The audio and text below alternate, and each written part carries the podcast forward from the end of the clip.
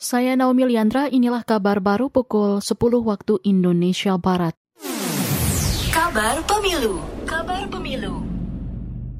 Deklarasi bakal calon presiden oleh partai politik dinilai tidak berdampak besar terhadap elektabilitas calon yang diusung.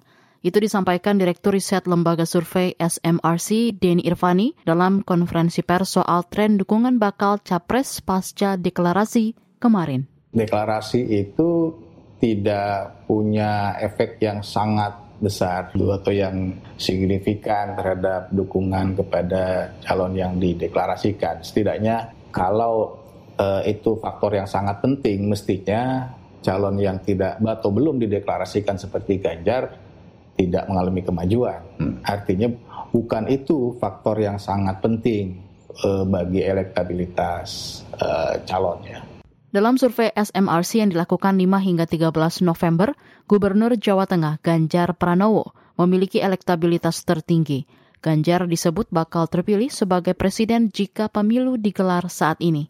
Setelah Ganjar ada nama Prabowo Subianto dan Anies Baswedan.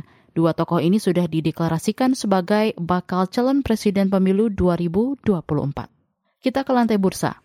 Indeks harga saham gabungan IHSG dibuka melemah 0,79 poin. Indeks pada pembukaan awal pekan ini berada di posisi 7.052. Kelompok 45 saham unggulan atau indeks LQ45 juga turun 0,07 poin ke posisi 1001. Sebanyak 490-an juta saham diperdagangkan di menit-menit awal dengan nilai transaksi mencapai 210 miliar rupiah. Tercatat, 170-an saham naik, 120-an saham terkoreksi, dan 220-an saham stagnan. Kapolda Jawa Barat Suntana bakal menindak pelaku pencopotan label gereja di posko pengungsian gempa Cianjur, Jawa Barat. Suntana menyesalkan tindakan main hakim sendiri tersebut. Menurutnya bantuan boleh berasal dari siapa saja. Kejadian itu segera kita tindak lanjuti dengan segera mendatangi TKP, memeriksa saksi-saksi di sekitar lokasi, dan kita langsung mengambil keterangan para pelaku yang melakukan itu. Terindikasi para pelaku adalah beberapa teman pengurus dari Ormas Garis di wilayah Kabupaten Cianjur. Kapolda Jawa Barat Suntana mengimbau masyarakat melapor ke posko polisi atau TNI jika ada masalah dalam penyaluran bantuan.